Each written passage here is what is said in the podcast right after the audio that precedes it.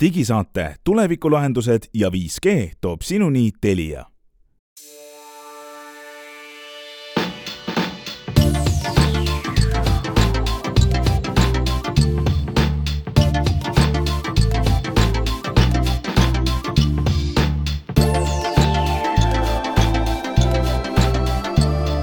tere, head kuulajad, kuueteistkümnenda jaanuari digisaade, nimetu digisaade on teiega aastal kaks tuhat kakskümmend kolm. ja täna stuudios Henrik Roonemaa, Hans Laugas, Meelis Väljamäe. pluss üks saatekülaline, kellega me räägime saate teises pooles sellest, kumb jääb peale, kas wifi, kas 5G, kas midagi kolmandat või on siin päikese all koht neil kõigile mingil moel, teeme selle selgeks aga enne vaatame veel äh, uudiseid ookeani tagant, sest nagu iga aasta alguses suur tarbijaelektroonikamess CES on näidanud meile, milliseid kasulikke või kasutuid seadmeid me kõik peaksime hakkama kasutama lähiajal. teeme uudistele ringi peale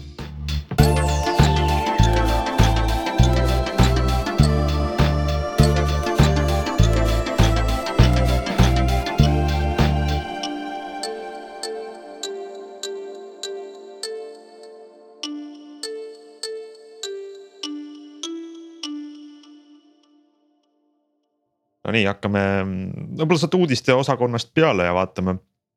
CES on äh, iga aasta toonud, näidanud meile mõndagi, mingeid trende, suundi, millega võiks arvestada, et mis varsti jõuavad meie poodidesse, aga teisest küljest on sealt ka igasugu naljakaid ja huvitavaid asju tulnud.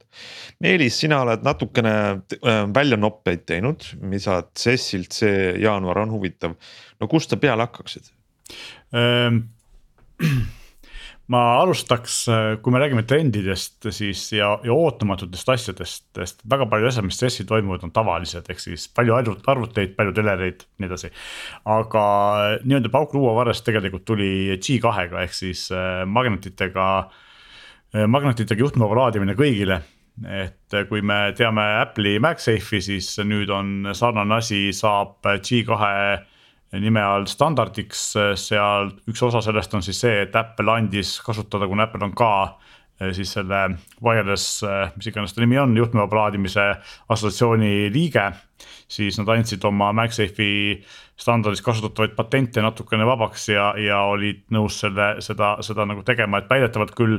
ei ole üks-ühele MagSafe'iga, vaid on natukene erinev, aga siiski ilmselt siin aasta pärast me saame rääkida, et meil on esimesed siis sellised universaalsed magnetiga kinni hoitavad laadimisseadmed, mis ka teiste asjadega töötavad olemas. ehk siis töötaksid nii, nii MagSafe, loodetavasti MagSafe'iga kui ka siis teiste tootjate seadmetega. mida see laadimiskiirustes see. mitte midagi, tegelikult tähendab? äh, ikkagi viisteist vatti.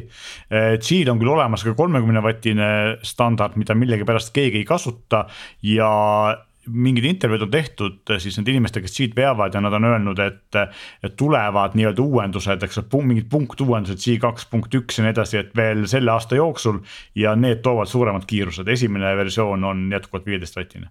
aga jah, aga lihtsalt eh, noh, me teame, et kui me paneme praegu laadimisalusele seadme siis ta ei eh, ei pruugi sinna õigesse kohta minna, eks ole, ja siis ta laeb aeglasemalt või ei lae üldse, siis me ärkame hommikul üles, vaatame, et ahah, et telefon polegi laadinud, et MagSafe selle lahendab, ilmselt siis G2 samamoodi lahendab selle probleemi. ja ma sain, ma sain ka aru, et selle ähm, Mac või selle G2 oli kaks, jah, mitte, mitte üks punkt kaks, vaid kaks, ehm, et selle ja, ja MagSafe'i ka siis ühtlasi nagu põhiline eelis on need magnetid.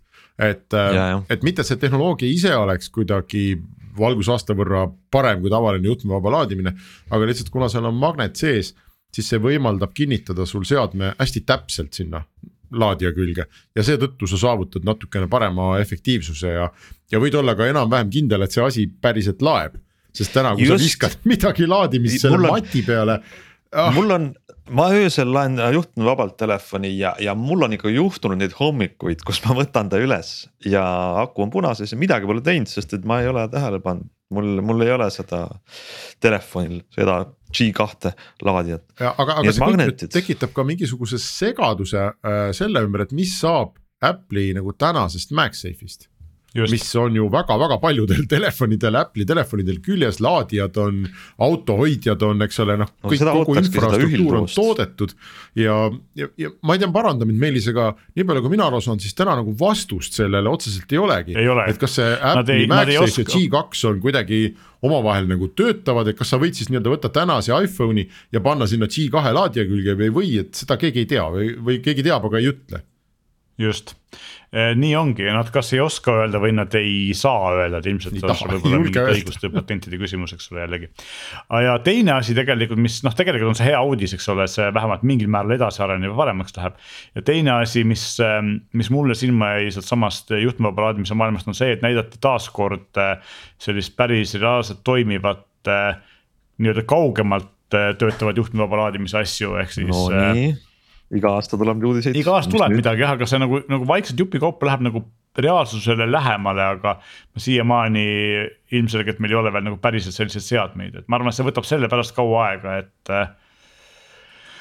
et lihtsalt see, seda peab kõvasti uurima, kuna, kuna see ikkagi on sellise väga intensiivse energia saatmine üle õhu läbi sinu keha põhimõtteliselt, siis see vajab nagu tervise ja, ja muu asja seisukohalt et- põhjalik, põhjalikke uuringuid. laed, laed koos telefoniga toas istudes aga need on need kaks asja, mis tegelikult äh, olid nagu sellised üllatavad asjad, mida mina ei oodanud, et seal näha saab ja noh, tõenäoliselt mõlemad võivad pakkuda suurt ja mugavat tulevikku meile.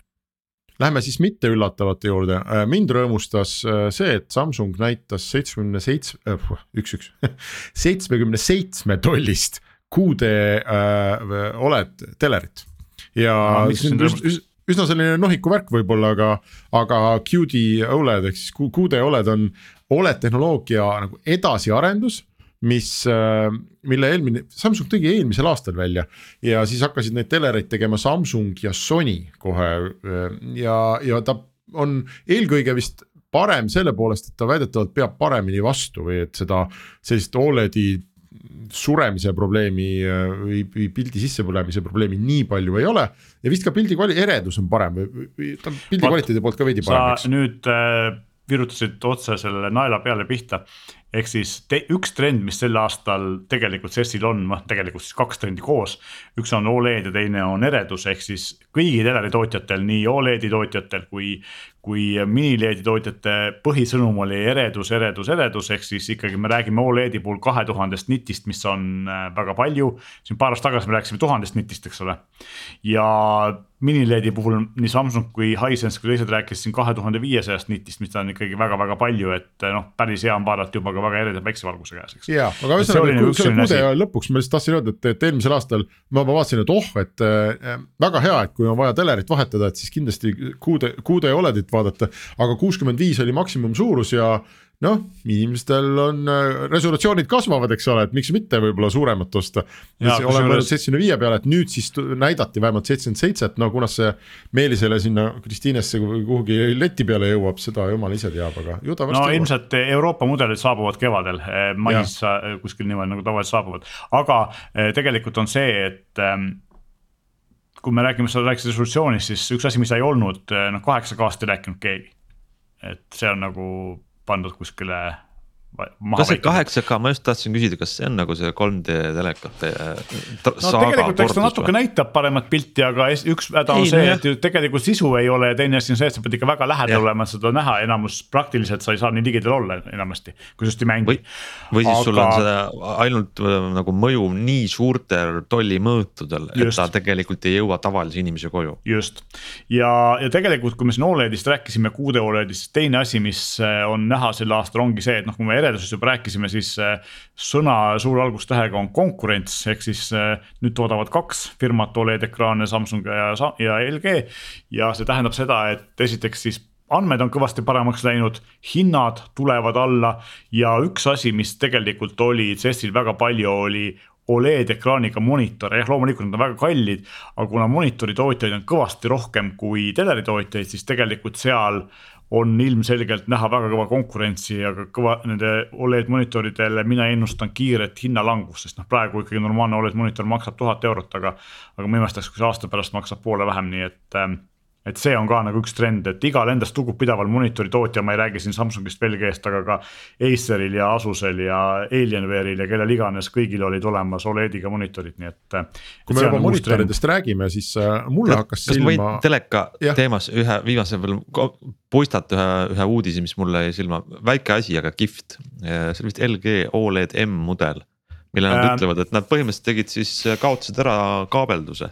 mingi kiht, oma, ma räägin ära, Ivan, selles, et sul on kaableid pole vaja HDMI-d, et tal on siis oma mm, juhtmevaba protokoll, millega saad 4K sisu sada kakskümmend hertsi üle kanda. ehk siis telekas on ühes kohas, ta vajab elektrit ja kuskil mujal nurgas on sul väike must kast, näiteks digiboksi juures või kuskil ja, ja võiks seda kaabelluse probleemi lahendada. muidugi, mis standard seal taga on, kuidas see täpselt töötab, pole teada, aga, aga see on kihvt. ja see on nende enda enda noh, wifi põhine mingi enda protokoll mm, -hmm. aga minul oli kaks asja silma, esimene asi on see, et äh, see boks on üsna suur. Äh, kummaliselt suur. siis las ta olla suur. ja noh, ta kapist ta, ma arvan, et ta vajab ikka otsenähtavust, et äh, kapist see signaal väga hästi läbi võib-olla ei pruugi tulla, teine asi on see, et noh, tegelikult see HDMI ühendamise vajadus jääb järjest väiksemaks, sest kuna meil on telekates olemas äpid, mis wifi'ga töötavad, siis väga palju sisendeid ei ole vaja, just. ja üks asi, mida me võiksime HDMI-ga ühendada, on mängukonsool ja me tegelikult ei tea, mis on Just. sellise juhtmevaba süsteemi hilistus ehk lääkelge, ütles, et nad ei ole seda mõõtnud mm, -hmm. mis tundub kummaline ma arvan, nad ei julge seda öelda. ja ma arvan ka, et see. et, et siin on nagu see konks, et ainus asi, mida me tegelikult tänapäeval peame HDMI-ga telerida ühendama, see ei pruugi seal väga efektiivselt töötada. Aga noh, see on ka esimene prototüüp, eks ole, et võib-olla see läheb tulevikus paremaks. ja ma tahtsin äh, minna ekraanijutuga edasi, mis äh, mulle hakkas silma oli äh, Lenovo äh, läpakas mis on äh, mitte volditava ekraaniga, neid näidati ka, igasuguseid volditavaid ekraane oli. volditi kolmeks ja kaheks ja ma ei tea, suuri ja väikseid ja kokku ja lahku ja hästi palju oli seda, aga Lenovol oli kahe ekraaniga läpakas. Ja... kaks kahe ekraaniga läpakat okei okay,, mina, mina, ma räägin siis ühest, kui ma, kui need on kuidagi erinevad meelest, siis räägi, räägi teisest ka, aga aga seal oli mõte selles, et, et see ongi nagu tavaline sülearvuti, sa teed ta lahti ja siis klaviatuuri asemel või nende klaviatuuri koha peal on ka ekraan. täpselt kaks ühesugust Oled paneeli, väga hea resolutsiooniga. ja, ja siis äh, kolmanda jubinana on siis äh, kaasas või saab juurde osta, ma ei tea, igatahes on kaasas. olemas äh, magnetiga päris klaviatuur ja, ja see, see oli selline huvitav Lego, pluss siis selline äh, nagu iPad'i äh,, teate, iPad'il on selline volditav magnetitega nagu hoidja mida sa saad jalaks või toeks teha, siis Lenovol oli see samasugune ja nüüd oli seal, sa said sellega väga, väga lahedalt said konfigureerida seda olenevalt, mis sul vaja on.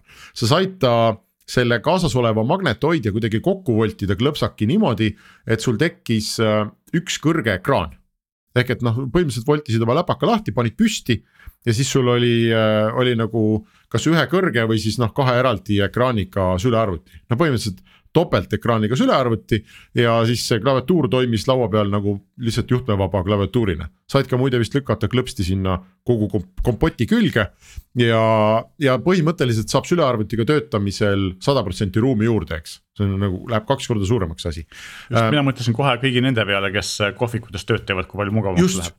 just ja, ja noh, kahe dokumendiga töötamine, mitmete akendega töötamine, noh, kõik see Just. jube kihvt tundus see.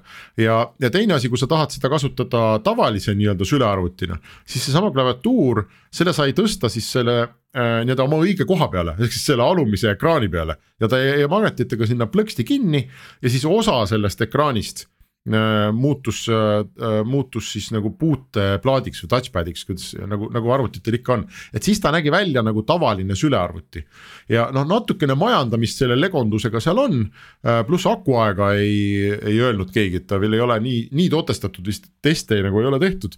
aga noh, kaks ekraani on ikkagi kaks ekraani et eks näeb, palju sinna siis seda akut sisse mahub, aga. mis selle asja nimi oli? mulle tundus see jube mõnus innovatsioon jooga mingi asi oli jah. Joogabook üheksa i ja see on nagu kaks asja, et üks asi on see, et see tuleb päriselt kevadel müügile, eks see ei ole prototüüp, vaid see on nagu nii-öelda või see, see konkreetne pole prototüüp, aga nad kavatsevad selle tuua turule.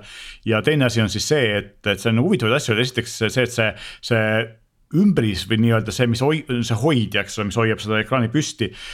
kokku pannes on ta siis selle klaviatuuri ümbriseks, siis klaviatuur läheb sinna sisse ja siis pliiats läheb sinna külge, et ta on nagu selline. see kõik kõlab selline... keerulisemalt, kui see on, ma ei tea, meil on seda väga ja, keeruline seletada, et ja, minge Youtube'i vaadake, see hästi-hästi muljetavaldav oli. huvitav seal on see, et, et kõik need inimesed, kes sessil seda nägid ja vaatasid ja sellest videot tegid, kõik nad üritasid seda nagu ümber lükata ja, ja ühesõnaga nagu, et see alus oli tugevam, kui võiks arvata, kuigi ta on hästi õhuke, eks ole.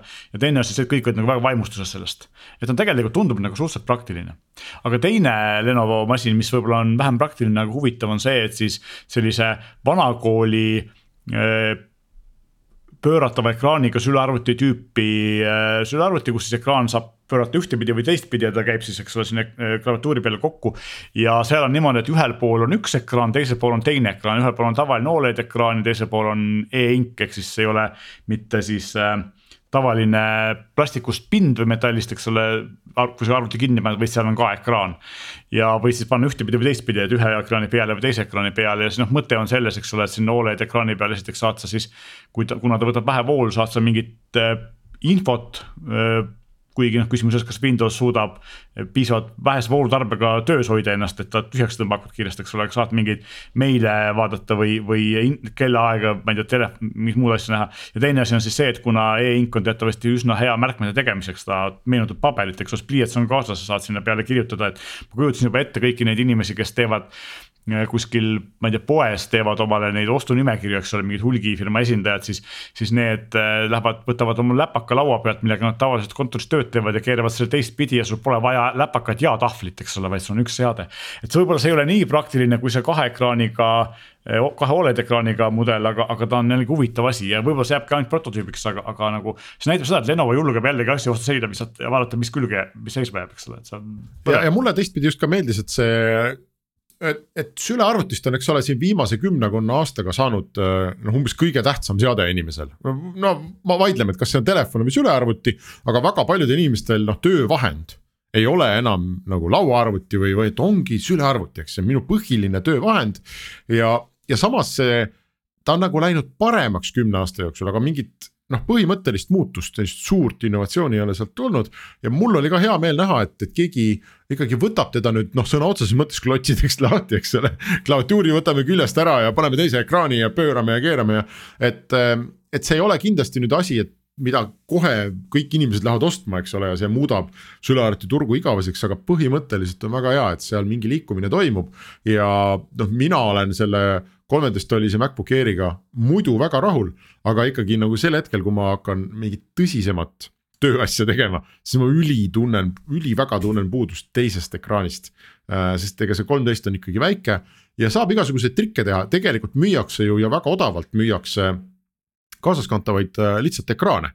noh, põhimõtteliselt need on üliõhukesed LCD paneelid, väike tasku on ka, lükata sinna sisse ja noh, siis saad arvuti külge USB-C-ga panna, eks et seda võib endaga kaasas kanda, aga noh, ta ei, sa pead leidma siis sellise koha, kus ta on su sülearvuti kõrval.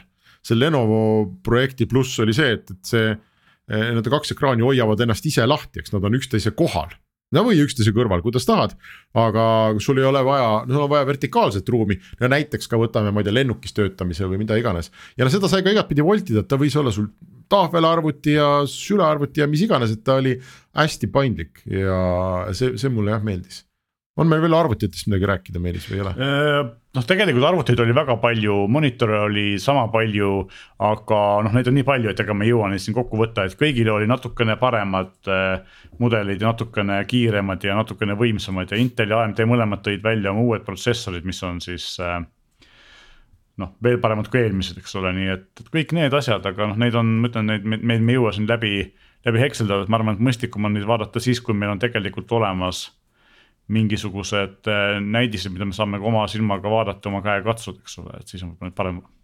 BMW näitas mingit värvi muutvat autot ja, ja Sony näitas jälle oma oma autot, sellest oli ka varem juttu olnud. nüüd on, nüüd on enamasti prototüüp, nüüd on päris, päris autot, eks ole, mis nüüd päris koostöös Hondaga välja tuleb. ei näinud väga muljetavaldav välja, aga noh, me ei tea, mis seal tegelikult sees on. Sony oligi huvitav, et nad ütlesid, et nad sel aastal keskenduvad äh, PlayStation VR-ile ja, ja autole ja nad ei näidanud ei uusi telereid ega mitte midagi muud sellist Äh, Motorola tegi, tegi Lenovo jaoks ThinkPad või Think Phone nimelise telefoni, Androidiga telefoni, mida nad siis väidetavalt müüvad ainult nii-öelda äriklientidele või suurklientidele koos telefonidega, ehk siis kui sa ostad nagu omale firmale viissada arvutit, sa saad ka sinna juurde osta sobiva telefoni juurde, nii et huvitav omamoodi. ma tahtsin mainida ühte teist valdkonda, mis ärge nüüd kuulajad teie ka imelikult äh, kuulake, mis ma räägin, aga see tõesti äh, tõmbas mu tähelepanu, tervisetehnoloogia on alati olnud selline, kus igasugu asju proovitakse seal vallas ja Withings on selles valdkonnas sihuke julge tegija. ja Withings tõi siis välja ühe seadme, mis annab meie, meil on, meil on sõrmused, meil on käekellad, kõik asjad, äh, millega me mõõdame, kuidas meil tervis on, toitumine.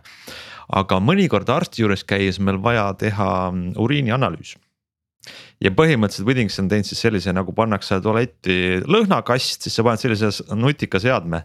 ja ütleb sulle, kuidas sa toitud, kuidas sa teed, kuidas sul tervis on. ja, ja ma pean ütlema, millegipärast tundub see mulle nagu väga kaval viis, kuidas seda virtualiseeritud perearsti nagu tehagi veel mugavamaks. et kindlasti on. et keegi pidi selle mingi hetk ära tegema, eks ole.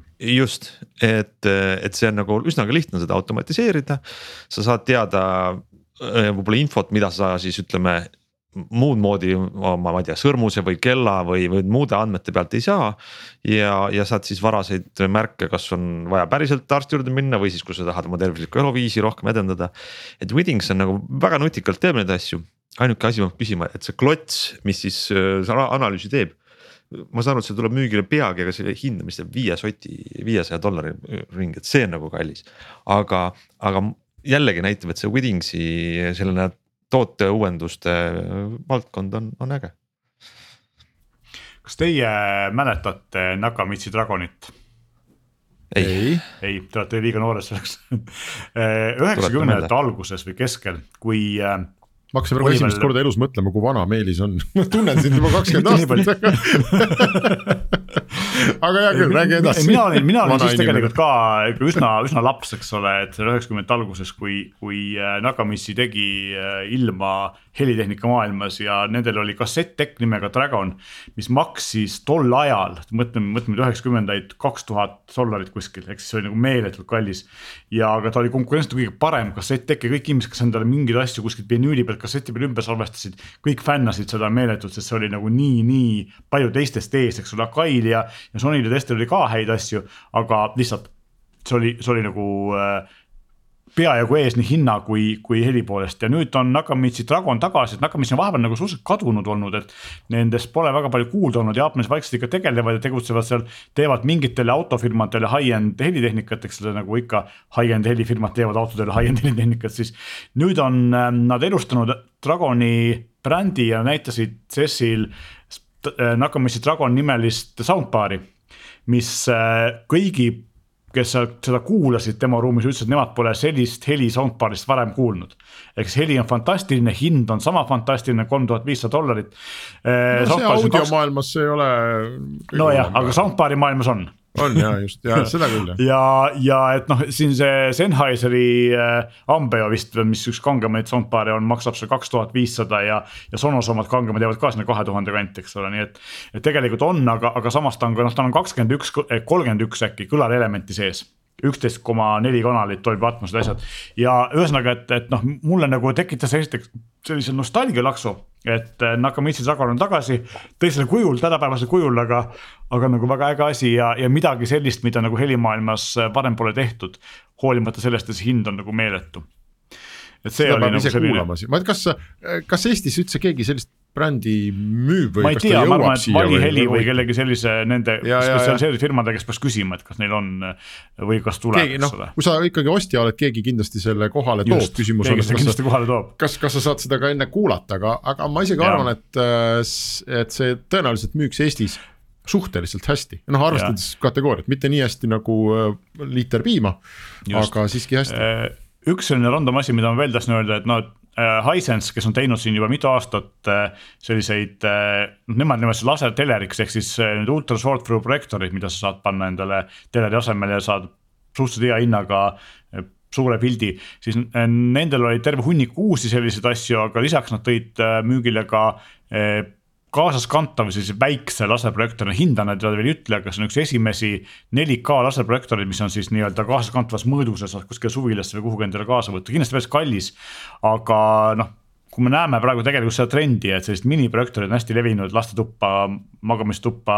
kus sa ei pea panema telekat seina peale, eks sa vaid näitadki sedasama seina peale pilti.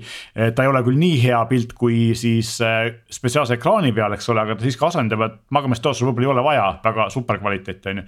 ja tal on samamoodi sees nagu ka teistel miniprojektoritel siis see värvitooni kompenseerimine, et kui su sein ei ole valge, vaid on hall või bees või mingi sihuke teistmoodi hele, eks ole, siis ta suudab tegelikult enam-vähem õigeid värve näidata. et esimene 4K resoga laserprojektor, mis on päike, et see oli nagu päris huvitav asi ja. aga hinnaklass on kindlasti ka no, selline. aga jah, ma arvan, et noh, kuna Samsungi oma on seal tuhat ja äh, Xiaomi ja teiste tootjate omad samamoodi seal viiesaja tuhande vahel, eks ole, siis ma arvan, et siin paar tuhat ta võib olla, et odav ta ei ole kindlasti. ja te, kolmas asi, mis on nagu trend, tundub, et kui Apple tegi siin äh, suvel oma satelliidi kaudu sõnumite edastamise süsteemi, eks ole, siis äh, nüüd on ka see hakanud liikuma, et Qualcomm näitas oma satelliidi sõnumite süsteemi ja Bullet Group, kes teeb siis selliseid rageid või tugevaid telefone Cati ja, ja Motorola Defy ja muude brändide all. siis äh, ka nemad üritavad enda süsteemi teha, kasutavad nad siis äh, erinevalt Qualcommist MediaTeki kiipi ja ja ürit-, mõlemad nad siis nii Qualcomm kui, kui Bullet Group üritavad seda siis nii-öelda tuua kuidas ma ütlen siis kuumaksulise lisateenusega, et Bullet Group ütles ka hinnad, et näiteks kolmkümmend sõnumit maksab viis dollarit ja sada kakskümmend viis sõnumit maksab kümme dollarit. mõeldud on ikkagi selle jaoks, kui sa oled kuskil mägedes või kus sul ei ole nagu levi, sa saad endale abi kutsuda või kellelegi teada anda, kus sa oled, eks ole, et. aga et, et tundub, et see, kui me ennem siin rääkisime või noh, et kui me oleme rääkinud siin sellest satelliitsidest varemgi, eks ole, või sellest, et, et SpaceX teeb siin nagu ägedaid asju, siis tegelikult ma üldse ei imestaks, kui, kui Starlink või SpaceX kunagi tulevad ka välja oma mingisuguse sõnumiteenusega. sest et äh, võib-olla sellise vähese mahuga asjade puhul ei pea see satelliit olema niivõrd äh, täpselt äh, sul pea kohal, kui ta peab olema, eks ole, pideva internetiühendusega, et seal võib-olla on võimalik raha teenida ja sel juhul saad sa toetatud telefonide puhul võib-olla mingisuguse noh äpiga teha seda, eks ole, sa ei pea nagu olema, see kiip ei pea tingimata nagu sada protsenti toetama, et eks me näe. ja see oli sihuke huvitav, huvitav asi, mis nagu tundus mulle trendi mõttes, noh loomulikult. viimane trend on see, et Matterit oli absoluutselt kõik kohad täis, eks ole. Lõpet, lõpet, lõpetame selle uudiste sektsiooni Meelise traditsioonilise ülevaatega Matterist no tegelikult on, et, et ikkagi noh, Nanolifil oli terve hunniku asju ja ühesõnaga kõik, kes endast vähegi lugu, lugupidavad IT ja kodu, kodu, nutikoduseadmete tootjad on, rääkisid hästi palju Matterist, eks ole, et tundub, et see, see nii-öelda voog on nüüd kuskilt paisult tagant lahti pääsenud, et ähm, aga, aga midagi väljas ikkagi veel vist ei ole ju, noh. ei no midagi... oli, et selles mõttes, et Nanolifil noh, tegelikult praegu peaks juba müügil olema, on uued äh, lambid, valgustid, terve hunnik erinevaid asju, Twinklil oli terve hunnik asju, mis juba on müügil. TP-Linki asjad tulevad vist siin lähiaegadel, Samsung ütles, et nende selline, mis oli huvitav, oli see, et neil on äh, Matter Hub siis või see, mis äh, siis Fredi äh, poolerautorina töötab, ehk siis tõlgib ühe firma seadmeid teise, teise firma seadmetega. see oli Samsungil väljas, mis ühtlasi on ka juhtmevaba laadija, eks ta ei ole lihtsalt sul haab, mis niisama nurgas vedeleb, vaid, vaid ta ka töötab su telefoni laadijana, nii et kaks ühes seade, eks ole, mis on tegelikult päris kaval lüke sest vaata muidu pannakse kõlarite sisse ja ruuterite sisse neid haabe, eks ole, mis on nagu loogiline, et kui sul üks karp ju kodus on, miks ta võiks mitut asja teha, on ju. aga nüüd Samsungil on nagu üks, üks järjekordne selline uus lahendus, et ta, ta töötab ka juhtmeva plaadina siis jah, magnetit veel küljes ei ole küll tuleb, magnetid on, äh, mulle tundub, mina, mulle, mulle just tundus, et ma vaatasin kõik neid videosid ja, ja uudiseid ja ülevaateid, et äh, magnetid on nagu täiega teema, et MagSafe on magnet ja klaviatuurid käivad magnetiga, mingid ekraanid käivad ja. magnetiga ja kõik on. mingi tohutu magnetiseerimine on kaks tuhat kakskümmend kolm trend ah jaa, üks magnetiga või mitte see magnetiga, see oli iminapaga oli see eh, täiesti juhtmevaba teler, mis töötas akude pealt, eks ole. ja käis kuskil seina külge iminapaga kinni ja siis, kui see aku tühjaks sai, siis see iminap enam ei hoidnud ja kukkus seina pealt alla see on innovatsioon. Ants, kas sul on veel midagi lisada või äh, lõpetame CES-i jutu selleks aastaks ja vahetame teemat? teeme nii me jätkame nüüd oma saadet äh, mõnes mõttes tagasiside teemaga, nimelt äh, oli vist see vist eelmises saates, kui meil käis külas Telia Eesti juht Holger Haljand ja. ja pillas seal ühe lause, millest mina ka tol hetkel kohe kinni hakkasin, et ta ütles, et kontori wifi kui nähtus võib-olla tulevikus üldse või isegi lähitulevikus ja peaaegu juba olevikus eh, muutub ebavajalikuks. Äh, ja kontori wifi asendab 5G ja, tema mõttekäik oli selline, et noh, esiteks kontori tähendus ka on natukene muutunud, et kontor võib olla autos ja rongis ja kodus ja suvilas ja kontoris ja. ja neid seadmeid on hästi palju erinevaid et 5G võimaldab siduda nad äh, kõik äh, ühte võrku niimoodi turvaliselt ja mugavalt. täna kasutatakse selleks VPN-i, kui, kui üldse midagi või siis kasutatakse vandumist, kui asjad ei tööta. aga, aga Olger Aljan siis pakkus ja, et, äh, et 5G võib neid probleeme lahendada ja selle peale helistas mulle Toomas Kadarpikk, kes on meile tänase saate külaline. tema on kümneid aastaid juba tegelenud wifi ja igasuguste G-dega ja juhtmevabate tehnoloogiatega ja ütles, et tal on selle teema kohta ka üht-teist öelda. ja kui äh, nii pika kogemusega inimene tahab teemasse selgust tuua, siis me muidugi ei jäta kasutamata võimalust öelda tere, Toomas. tere, tere ehm, no sa kuulasid meie saadet, kas seal, ma ei saanudki sinu kõnest ka nagu päris täpselt aru, et kas sul, äh, kas sa tahad kaasa kiita või, või läks närv mustaks seda juttu kuulates? ei, ega ta mustaks ei läinud, see lugu on juba paar korda kuuldud. sama lugu räägiti ka siis, kui tuli 4G. isegi 3G-ga räägiti. isegi 3G-ga räägiti sedasama lugu ja, ja tegelikult eh, noh, selles loos on üks suur kontseptuaalne viga. nimelt mobiilisidesüsteemid arenevad kuskil kolm korda ajas aeglasemalt kui wifi süsteemid ehk wifi's on selle wifi äh, arengus juba välja tulnud vist kolm põlvkonda asju, nihukest väiksemat põlvkonda ja, ja üks suur. kui 5G-st on räägitud ja, ja see on siis lõpuks turule jõudnud ja tuleb veel. nii et selles mõttes need asjad, aga, aga mis on veelgi olulisem, selline kontseptuaalne erinevus on see, et neid asju ei otsustata ei maailmas selle järgi, mis Eestis toimub ega Skandinaavias toimub vaid asju otsustatakse tegelikult ikkagi selle järgi, mis Ameerikas toimub ja mis toimub tegelikult Aasias. ja need on need maad, mis panevad asjad tegelikult paika. ja sellest lähtuvalt, kui vaadata, mis toimub Ameerikas, siis seal me räägime ikkagi kümnest gigabitist äh, koduühenduses juba ja me räägime väga kiiretest wifi ühendustest. ehk kui me mõtleme selle ja kontoriühendusest kümnest gigabitist igal juhul. nii et kui me mõtleme selle peale, et kas miski asi kaob ära, siis tegelik pilt on see, et vajadus kasvab igal pool. kontoris, kodus ja tee peal ehk 5G lahendab meil selle autos ja tee peal oleva vajaduse suurepäraselt ära. ja kui me kodus tahame või kontoris tahame minna näiteks virtuaalreaalsusega koosolekule, vot siis on meil vaja veel kiiremat ühendust ehk selleks me siis oleme äh, olukorras, kus meil ei ole mingite G-dega mitte midagi teha, vaid meil on vaja sisuliselt kümmet gigabitti. ja, ja vot sellised on need noh, sellised üldised, üldised printsiibid, mis äh, tegelikult seda telekomi juhivad. seda arvamust äh, ma üldse ei jaga, et nüüd kontor muutub, ma võtan viimased haavad Business Review'i äh, uuringud, siis selle Covidiga nähti ääretult suurt äh, tööviljakuse langust. Ja samuti vaimsete probleemide kasvamist ja kõike sellist. mis tähendab seda, et väga paljud suured lääne kompaniid on käsutanud inimesed kontorisse ruttu tagasi. Sellepärast, et lihtsalt tööviljakus langeb. On, seal on mõned erialad, IT ja siuksed, kus see toimib veel, sest IT inimesed nagu nii palju ei suhtle üksteisega. Suhtlevad hulka vähem kui, kui ütleme, keskmised business inimesed ja ja aga, aga selles mõttes, aga kindlasti ma olen nõus sellega, et 5G parandab meie olukorda ja oluliselt parandab meie olukorda ja, ja loob eh, uusi võimalusi. kuigi ma ei, ma kindlasti ei jaga neid arvamusi sellest, et eh, see on nüüd esimene tehnoloogia, kuidas saab eh,, ma ei tea, võrgud eh, igale poole viia, kontorivõrgud ja nii edasi, see ei ole küll, küll midagi uut, aga selles loos oli ka mõningaid siukseid eh, asju, millele tahaks vastu vaielda. seal räägiti, et äh, energiatarve väheneb oluliselt. et see oli selles loos selline, mis on hästi wifi kasuks, sest wifi energiatarve on praktiliselt olematu.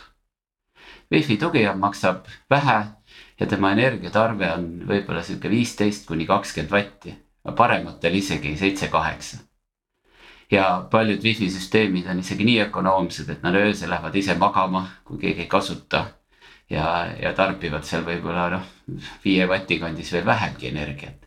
aga kui me räägime nüüd 5G-st, siis 5G-ga tugijaama energiatarve tõusis kolm korda. et kolm korda ja tugijaamade arv tõuseb kümme korda. et soomlased, kui te võtate lahti 5G Teedopistefi, võrdlevad 5G-d juba saunas käimisega ehk kui ma vaatan 4K filmi ära, siis see on sama hea, kui käisime saunas sa mõtled energiatarbija mõttes? energiatarve on tõusnud eh, tugijaamas kolm korda ja. kas, kas see põhjus, on selles, et see on et energiatarve, ütleme siis edastatud, ma ei tea, megabitti kohta või, sest et fakt on ju see, et, et kiirused on suuremad.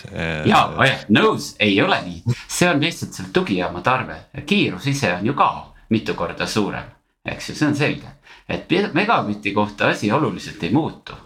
aga, aga reaalsus on see, et kui eelnev inimene vaatas võib-olla seal HD videot või SD videot, eks ju.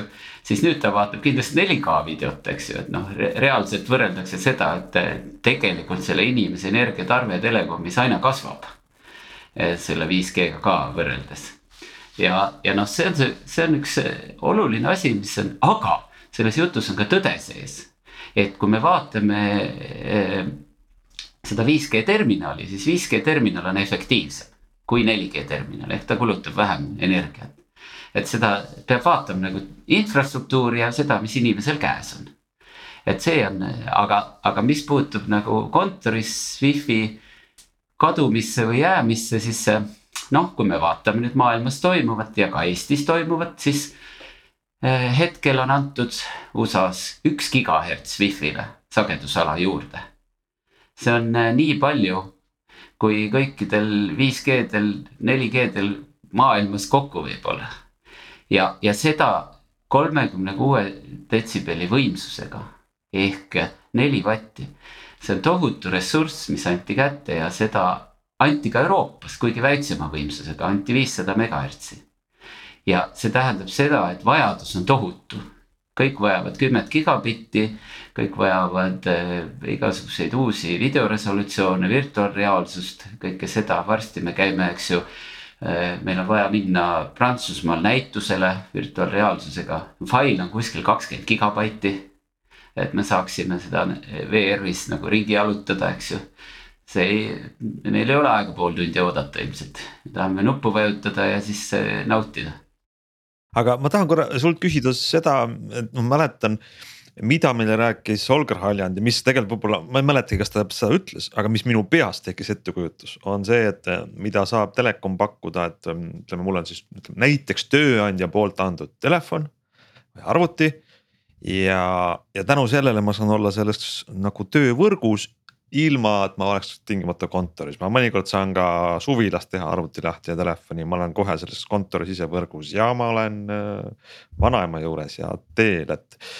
Eh, et see on see siis nii-öelda, kus 5G võiks äh, wifi'le nii-öelda ma isegi ei ütle, kas siin on just tingimata nende vahel konkurents, aga võiks täiendada või parandada. ei, seal ei ole, seal ei ole ühte ega teist, natukene liiga abstraktne, sellepärast et 5G iseenesest Eestis, kui me vaatame 5G-d, siis see ei olegi tegelikult päris 5G võrk, see on neli koma viis G tegelikult ja.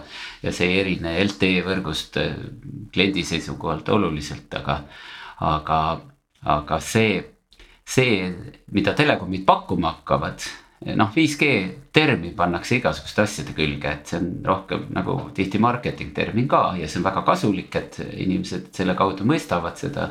siis kindlasti telekomid hakkavad pakkuma sihukest eh, eh, virtuaalse kontori teenust, see on selge, aga eh, ja tegelikult nad juba pakuvad teatud ajal ja siin ei ole ka vahet, mis tehnoloogiat kasutada, et mis on see ülekandetehnoloogia, et. noh, ma toon näitena näiteks USA-s on väga paljudel Eh, mobiilioperaatoritel. Nende SIM-kaart, mis neil on, see sobib ka wifi autentimiseks ja, ja kontorivõrku minemiseks, ükskõik kas sa oled kodus või tööl või noh, need on, süsteemid on palju laiemad, kui me Eestis neid oleme harjunud kogema. aga, aga noh, minu jaoks oli seal äh,, on alati nagu olnud turvalisus üks hästi huvitav probleem ka, mis seal välja kajas ja. ja see on selles mõttes huvi, inimestele väga-väga nihuke hell teema ja aga noh, tegelikult ma olen nagu aus inimene, nagu üritan olla transparentne igatpidi, et minu jaoks turvalisuse probleem on igal pool, kogu aeg, igal hetkel. süsteemid äh, äh, lagunevad äh,, neid murtakse lahti, nad ise vananevad tänu uuendustele isegi vananevad ja me oleme olukorras, kus tegelikult me peame nagunii kogu aeg, me ei saa öelda, et üks on turvalisem kui teine. Me saame öelda eh, võib-olla seda, mis on praegu turvalisem sel hetkel. see sõltuvalt sellest, mida on parasjagu parandatud, fix itud, eks ju, patch itud. et hetkel ma võin öelda, et näiteks 4G on väga ebaturvaline, sellepärast et parandusi ei ole suudetud teha. vahepeal oli wifi väga ebaturvaline aga kõik parandati ära ja, ja, ja tegelikult see ebaturvalisus puudutas ainult äh,, ainult kodukasutajaid eks ju, mitte, mitte ärikasutajaid. aga see parandati jälle ära ja noh, nii on meil kogu aeg sihuke kassi ja hiire mäng, et, et aus vastus on see, et noh, hetkel on isegi asjad suhteliselt hästi. ja wifi's on hetkel üsna hästi. aga, aga me ei tea, mis homme tuleb, et kõik võib muutuda Toomas, me oleme siin saates aastaid rääkinud kogu aeg, et nagu mantrat, et ükskõik, mis G tuleb, ükskõik mida, mida mingid firmad selle kohta ei räägi. siis alati, kui võimalik, võta kaablist kahe käega kinni, ära lase lahti, eks, et pane endale kaabel pane endale parem kaabel, pane kaabel majja, pane kaabel suvilasse, pane kaabel telekani ja pane arvutini ja et noh, vot siis on nagu kindel ähm, ja, ja noh, 2G, 3G, 4G puhul me oleme näinud, et see on ka nii olnud. Ehm, et lõpuks on need võrgud ikkagi täis, eks ole, lõpuks arenevad su vajadused sealt edasi ja noh, üle 4G ikkagi siin pikalt 4K videot nagu igas asendis ei taha striimida ja ja kahesaja gigabaitiseid mänge alla laadida, on ju, mida inimesed peavad tegema. Ehm, kas, äh, kas meil on nagu turvaline arvata, et, et selle 5G-ga läheb samamoodi, et, et isegi kui me tahame ja loodame õudselt, et äh, ta hakkab asendama kõiki ühendusi ja, ja see on nüüd lõpuks seesama üks, siis, siis ikkagi see kaabli jutt nagu tegelikult jääb, mis sina arvad? no tegelikult on niiviisi, et eh, see on juba toimunud, kui me lähme Lõuna-Koreasse Seouli, see on kõige arenenum 5G linn. ja ma olen vaadanud eh, täiesti selle linna 5G testid läbi kõik detailselt.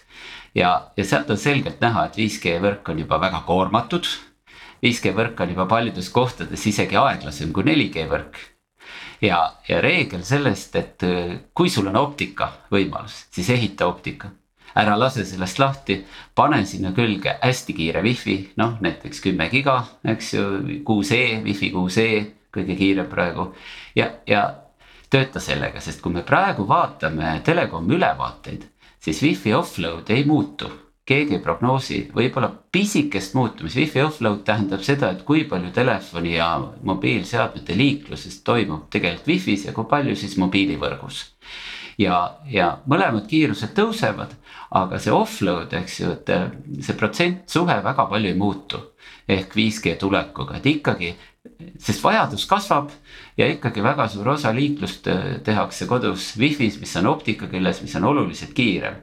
sest vaadake, probleem on selles, et kui ma, ma elan Sauel, mul on optika. kui ma teeksin, ma teen IT-tööd ma kasutaksin ära selle kõik 5G ressursi, mis meil seal Sauel on. Üksinda. üksi üksinda.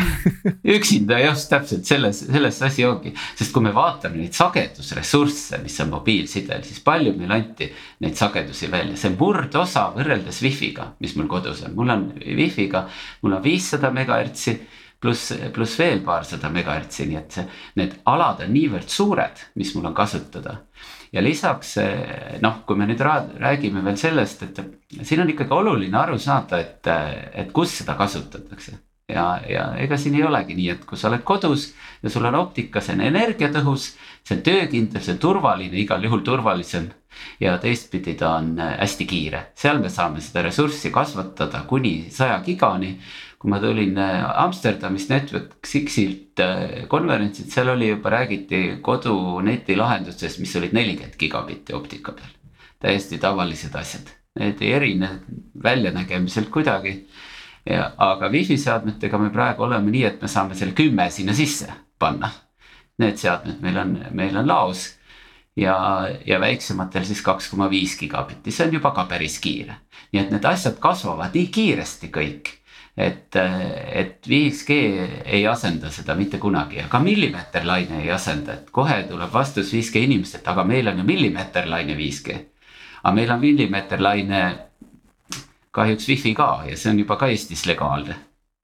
ja, ja see tähendab juba niiviisi, et meil on kümned giga, meil on jah, meil on kümme gigahertsi, mida kasutada seal spektrit. et kõik asjad kasvavad korraga ja lähevad edasi ja lõpptulemus on see, et äh, igal pool me saame rohkem, oleme me autos, oleme kontoris, liikuvas kuskil või oleme me kodus. Või lennukis isegi. Ma, ma tulen korraks tagasi selle sõna offload juurde, mis sa mainisid. sa ütlesid, see osakaal on umbes sama, aga äh, ütleme siis võib-olla sa vaatad spetsialistina kitsamas perspektiivis, aga vaadata nagu laiemalt, siis viimaste aastate jooksul mulle tundub, et seda offload'i on tulnud juurde, ehk inimesed elavad näiteks moodsalt ehitatud majas, äärelinnas, siis ikkagi telefon. Ähm, kui nüüd operaator toetab, teeb seda, äh, kõned on üle wifi ja, ja kõik asjad käivad üle wifi, et ehk siis telefon kasutab äh, mis peaks olema minul andmesides või, või helistama üle mobiilivõrgu, siis see ka kasutab seda wifi't ikkagi ära kas see, see, et sul kodus on hea ja toimiv wifi, see on ju nagu ikkagi sihuke vundament, eks? Ja see on, see on kindlasti vundament see selles osas, kui, kui offload ib, see on sul õigus, et Vo Wi-Fi teenus on tulnud äh, mobiilioperaatoritelt äh, nii turvalisuse tõttu kui, kui ka noh, levi katvuse tõttu, parandamise tõttu, sest meil on ju praegu Eh, tõesti, mida kõrgemad sagedused, mitte suuremad G-d, seda vähem see asi levib kuhugi läbi akende ja, ja seite. ja, ja selle tõttu noh, minagi kasutan, mul ei ole kodus sauel ühtegi G-d toas. mul on ainult eh, noh, GSM, ma ei nimeta seda G-ks eh, tihti, sest meil on aedlinn ja kui puud lehte lähevad ja mul on soojustatud maja siis minul ükski asi ei tööta seal korralikult, ühes kohas töötab ja ma kasutangi korralikku wifi't. ja, ja selles osas on ka olnud väga suur areng, et eh, ühtepidi, et see lokaalne levi saada, siis meil on hästi palju olemas, noh manageeritud wifi lahendusi, mis on Eestis ka juba kasutusel ja kodudesse ja kontorisse, mis, mis on oma kogemuselt nagu mobiilikogemused, seal on väga väga targad süsteemid, tehisintellektid, hästi targad rändlusalgoritmid ja, ja hästi palju lisateenuseid, alates koduvalvest kuni selleni, et kui ma lähen oma arvuti juurde, siis ta on juba ise lahti, kui ta teeb, noh, seal on tohutus koguses nagu erinevaid teenuseid, kuigi kuni, kuni selleni, et wifi access point saab aru kui, oma radariga, kui vana inimene kukub või, või mingeid selliseid asju tehakse. aga kasutusel, mis on Eestis, ongi need näiteks koduvalvesüsteem, mis teeb vahet kassidel, koeradel, inimestel. ja kas aitab lapsevanematel teenagerite üle nagu valvet pidada kas nad ikka tulid koju või ei tulnud koju. ja, ja, ja, ja erinevaid nagu asju tuleb järjest juurde, neid teenuseid igasugused IoT lahendused ja muud ja. et selles mõttes nagu seal eh, mõlemad pingutavad, mul hea meel on selle üle, et need kaks tehnoloogiat võib-olla natukene nagu eh, mõnes mõttes eh, räägitakse kui konkurentsist eh, telekom turul ka. ja kui nad mõlemad nagu konkureerivad, siis nad peavad nagu tõsiselt liigutama, tõsiselt rabelema. ja seda on viimasel ajal ka näha, et, et võideldakse sageduste üle. võideldakse teenuste üle ja kogu aeg luuakse juurde lisateenuseid ja see on, eh, ma arvangi, et võib-olla 5G seal teeb nagu äri poole peal ka üht-teist, tal on eh, privaatvõrkudes on head võimalused suurte tööstusalade eh, võrgutamisel näiteks. mida Eestis kahjuks ei eksisteeri jällegi, Eesti on nii väike, meil polegi ühtegi suurt ettevõtet. suurem võib-olla on Muuga sadam, on suur ala, see on wifi kuuega kaetud suures osas. aga aga kui sa vaatad noh, kui nüüd võtta üks ära nendest, siis kukub, siis tekib selline vaikiv stagnatsioon kohe. Toomas, ma tahaks ma selle äh, meie diskussiooni lõpuks küsida, et meil on siin hästi pikalt tegelikult. no ma ütleks paarkümmend aastat või võib-olla rohkem olnud äh, tehnoloogiamaailmas sellise tavakodanikule kasutada. No mis me ütleme, kas kolm erinevat sellist side juhtmevaba side nagu lahendust või tehnoloogiat, eks, et on Bluetoothi asjad. on, on need mobiilioperaatorite pakutavad G asjad ja on wifi. ja nüüd viimasel ajal on, on nagu kerkinud esile paar uut, mille kohta ma tahaksin sinu kommentaari, üks on see kosmose interneti teema. mida teeb Elon Musk, eks ole ja mida siin Euroopas räägitakse, et peaks tegema, et noh, et ilma selleta nagu tulevikku enam ei saa, et see on hästi vajalik. aga see oleks nagu selline täiesti uus raadiosidetehnoloogia, mida tavatarbija hakkaks kasutama mõnes mõttes, eks noh, uus, uus kategooria. ja siis on veel üks, millest aeg-ajalt räägitakse, aeg-ajalt ei räägita. Apple on siin tegelenud äh, äh, UVB ultra wideband'iga ja, ja seal on ka igasuguseid imelubadusi olnud nagu õhus, et see hakkab asendama Bluetoothi noh, näiteks kõrvaklapid, heli on palju kvaliteetsem, infot läheb palju rohkem läbi, eks ole. kõik see sidumise probleemid, kõik on nagu palju, palju paremad, et see oleks siis nagu selline viies või no ütleme, teine uus, aga, aga viies. mis on sinu arvamus, et kõigepealt võib-olla selle kosmose interneti ja, ja siis selle ultra wideband'i kohta, et kas me oleme, kas me näeme siit varsti midagi uut? kosmose poole pealt tuleb äh, uusi asju veel hästi palju. Et praegu me räägime siis äh, Elon Musk'i puhul Leo tehno-, noh, Earth orbit tehnoloogiast, kus satelliidid on hästi madalal. ja liiguvad, ei ole statsionaarsed, vaid liiguvad ümber meie kiiresti ja sisuliselt see näeb välja nagu 5G võrk, kus tugijaamad eh, käivad ringi ja meie oleme nende suhtes praktiliselt paigal. ja me saame küllalt head ressurssi sealt, see ei ole küll tehnoloogia, millega me saame saame edukalt eh, selle mahu kätte, alati küsimus ongi selles mahus, inglise keeles on see capacity, eks ju. ja aga me saame selle interneti sellistesse kohtadesse, kus me senini võisime ainult unistada, laevad, liikuvad seadmed, äärealad, maapiirkonnad, kõrb, lennukid, kõrbed, kõik, kõik, kõik liikuvad asjad, eks ju, kus ei tule ükski muu G mitte iialgi. pluss me saame, Ukraina on hea näide, me saame kohtadesse, kus on katastroof, kus on eh, kaablid katki, kus on praegu näiteks noh. ka Eestis erinevad jõustruktuurid on endale hankinud satelliitside terminale just sellepärast, et äkki juhtub ja võibki juhtuda ja ei pea juhtuma mingi looduskatastroof. võib juhtuda lihtsalt see, et keegi kaevab kaabli katki kuskil ja ongi kõik. ja, ja see, see tähendab seda, et see tehnoloogia on, on tulnud, et jääda. see on selge, see tuleb igale poole ja rohkem, kui me arvame. et seda on vaja isegi noh, kodudes, eks ju, kui me oleme kuskil elame. mina näiteks, mul suve elamine on Muhus. seal ei ole ühtegi G-d ega ilmselt meil ei tulegi ühtegi G-d sadamas on, siis tuleb käia sadamas netis, sest see, mis meil on, on väga aeglane, meil on megabitt on nende G-de kaudu hetkel tuleb ära. kui 5G tuleb, siis alguses on rohkem, aga siis, kui tulevad suvitajad kohale, siis on vaikus. nii et see on praktiliselt nii, aga kui me nüüd UVB-st räägime. ultra wideband on siis selline, kus saadetakse pulsse ja väga laia spektriga, siis selle eh, tehnoloogia seal on, ta on lähimaa tehnoloogia, aga temal on üks hea eelis, et ta on suhteliselt sõltumatu igasugustest eh, sagedustest ja spektrikasutustest. hästi väikse võimsusega ja sellega on võimalik teha, me teame, et Bluetooth on sihuke lähi eh, noh, personaalne võrk nagu. kuigi ta on kasvanud, kaugus on aja jooksul kasvanud, aga ikkagi alguses mõeldi kaks meetrit, siis eh, UVB-ga me saame tohutult teha pisikesi IoT selliseid lahendusi, mis on väga lähedal võib-olla siin korterimaja sees, taskus isegi. ja, ja selle kaudu me saame nüüd väga erinevat, eh, noh, me saame nagu uue spektri kasutusse, uue tehnoloogia. see, see probleem ongi, et kui me praegu võtame Bluetoothi, ma toon lihtsa näite ja lähme Saku Suurhalli sellega ja seal on parasjagu kontsert või üritus. siis see lakkab töötamast sest need Bluetooth kasutab kogu spektrit ja kui need seadmeid on palju, siis jookseb see kohe kokku. Wi-Fi-ga õnneks seda muret tänapäeval enam ei ole. Wi-Fi kasutab sama tehnoloogiat nagu 5G. aga, aga lihtsalt, lihtsalt meil on eh, õhupuudus õhuspektri puudus ja see, see eh, motiveerib inimesi see UVB-d eh, nagu kasutama, uut disainima, uut, uusi teenuseid sinna looma. et ma arvan, et selliseid pisividinaid, mis on noh, sarnased Zigbee-ga näiteks praegu võib-olla Zigbee on inimestel vähem tuntud, see on IoT raadiotehnoloogia. et sarnaseid UVB asju kindlasti eh, varsti tuleb turule.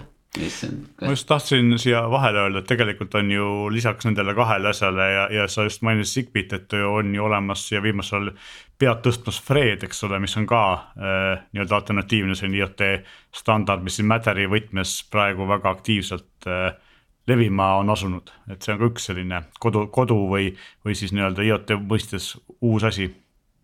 ja, ja, ja noh, kõike kui me vaatame nüüd kõike kokku raadiotehnoloogiat, siis kõik tungivad IoT alale, et, et ka 5G on sinna, wifi on viimasel ajal kõvasti edusamme teinud ja kõik, kõik tahavad sinna minna. ja lõpptulemus on see, et, et meile noh, kuskil kohtades jääb ikkagi spektrit puudu.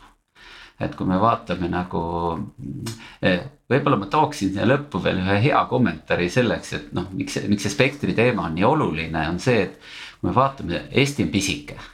Aga kui me vaatame suuri linnu Ameerikas või kasvõi Euroopas, siis seal 4G oli no enda, see oli väga, väga täis, sest inimesi on palju ja see oli väga keeruline saada teda tööle, umbes sama keeruline nagu meil laulupeo aeg on saada võrk tööle. Ja, ja, ja siis on, tehti uus tehnoloogia, sellega on nagu praegu hulka-hulka parem, see oli tohutu motivatsioon saada kõrghoonetesse igale poole side. Ja, ja, ja nende ümbrusse ja nendesse suurtesse Manhattanitele ja igale poole saada see side ja, ja see on nüüd saavutatud. suur-suur edusamm. Ja, ja sinna, see oli, see oli ikka tõeline peavalu siiamaani. samuti nagu, kui meil on nagu suuremad üritused ja asjad, see on tunduv, tunduv edasiminek ja sama on teinud ka wifi, et kui meil wifi's oli vanasti niiviisi, et sada inimest oli eh, tugijaama küljes, siis oli juba asi väga paha. aga praegused wifi tugijaamad suuremad kannatavad tuhat seadet. ma olen ise teinud virtuaallaulupeo, kus oli kaheksasada iPad'i eh, laululaval Tallinnas ja kõigil oli videoühendus. kõigil oli Facetime püsti. kõik, kõik, kõik nii-öelda osalesid ja vaatasid dirigenti nii-öelda ja dirigent vaatas nii-öelda pisikesi nägusid, see oli nagu show rohkem, aga, aga see kõik töötas ja kõik on muutunud nagu, kõik arenevad kiiresti ja, ja, ja hetkel muidugi, kui sa küsid, et mis areneb kõige kiiremini, siis kõige kiiremini ase, arenevadki need pisikesed asjad, IoT asjad. see on kõige kiirem areng praegu. Et see, seal tuleb kõige rohkem ma arvan, et see on, see on hea optimistlik koht, kus lõpetada, et me saame tõdeda, et äh, ükskõik, mis tehnoloogiaga pole tegemist. Äh, raadioside alal vähemasti kõik läheb alati paremaks ja noh, meenutage ise, äh, kuidas oli Bluetoothi kasutada, kes mäletab kümme aastat tagasi kui hästi ta töötas ja kui lihtne oli paaritada ja kuidas see on praegu. vahed on väga suured ja samamoodi kui, kui, kui äh, mõnus oli 3G-ga tööd teha ja kui mõnus oli 4G-ga ja nüüd, kui mõnus on 5G-ga. ja, ja Wi-Fi-ga samamoodi, nii et äh, kõik läheb paremaks, läheb edasi. loodame siis näha neid uusi tehnoloogiaid, mind see UVB ka väga huvitab, aga, aga eks näeb, kunas see tuleb, aitäh, ütleme Toomasele. et sa meile valgust, valgustasid natukene raadioside maailma. ja ütleme aitäh ka kõigile kuulajatele, meie tänane saade on läbi ja me kohtume nädala aja pärast. tulge ja leidke meid jälle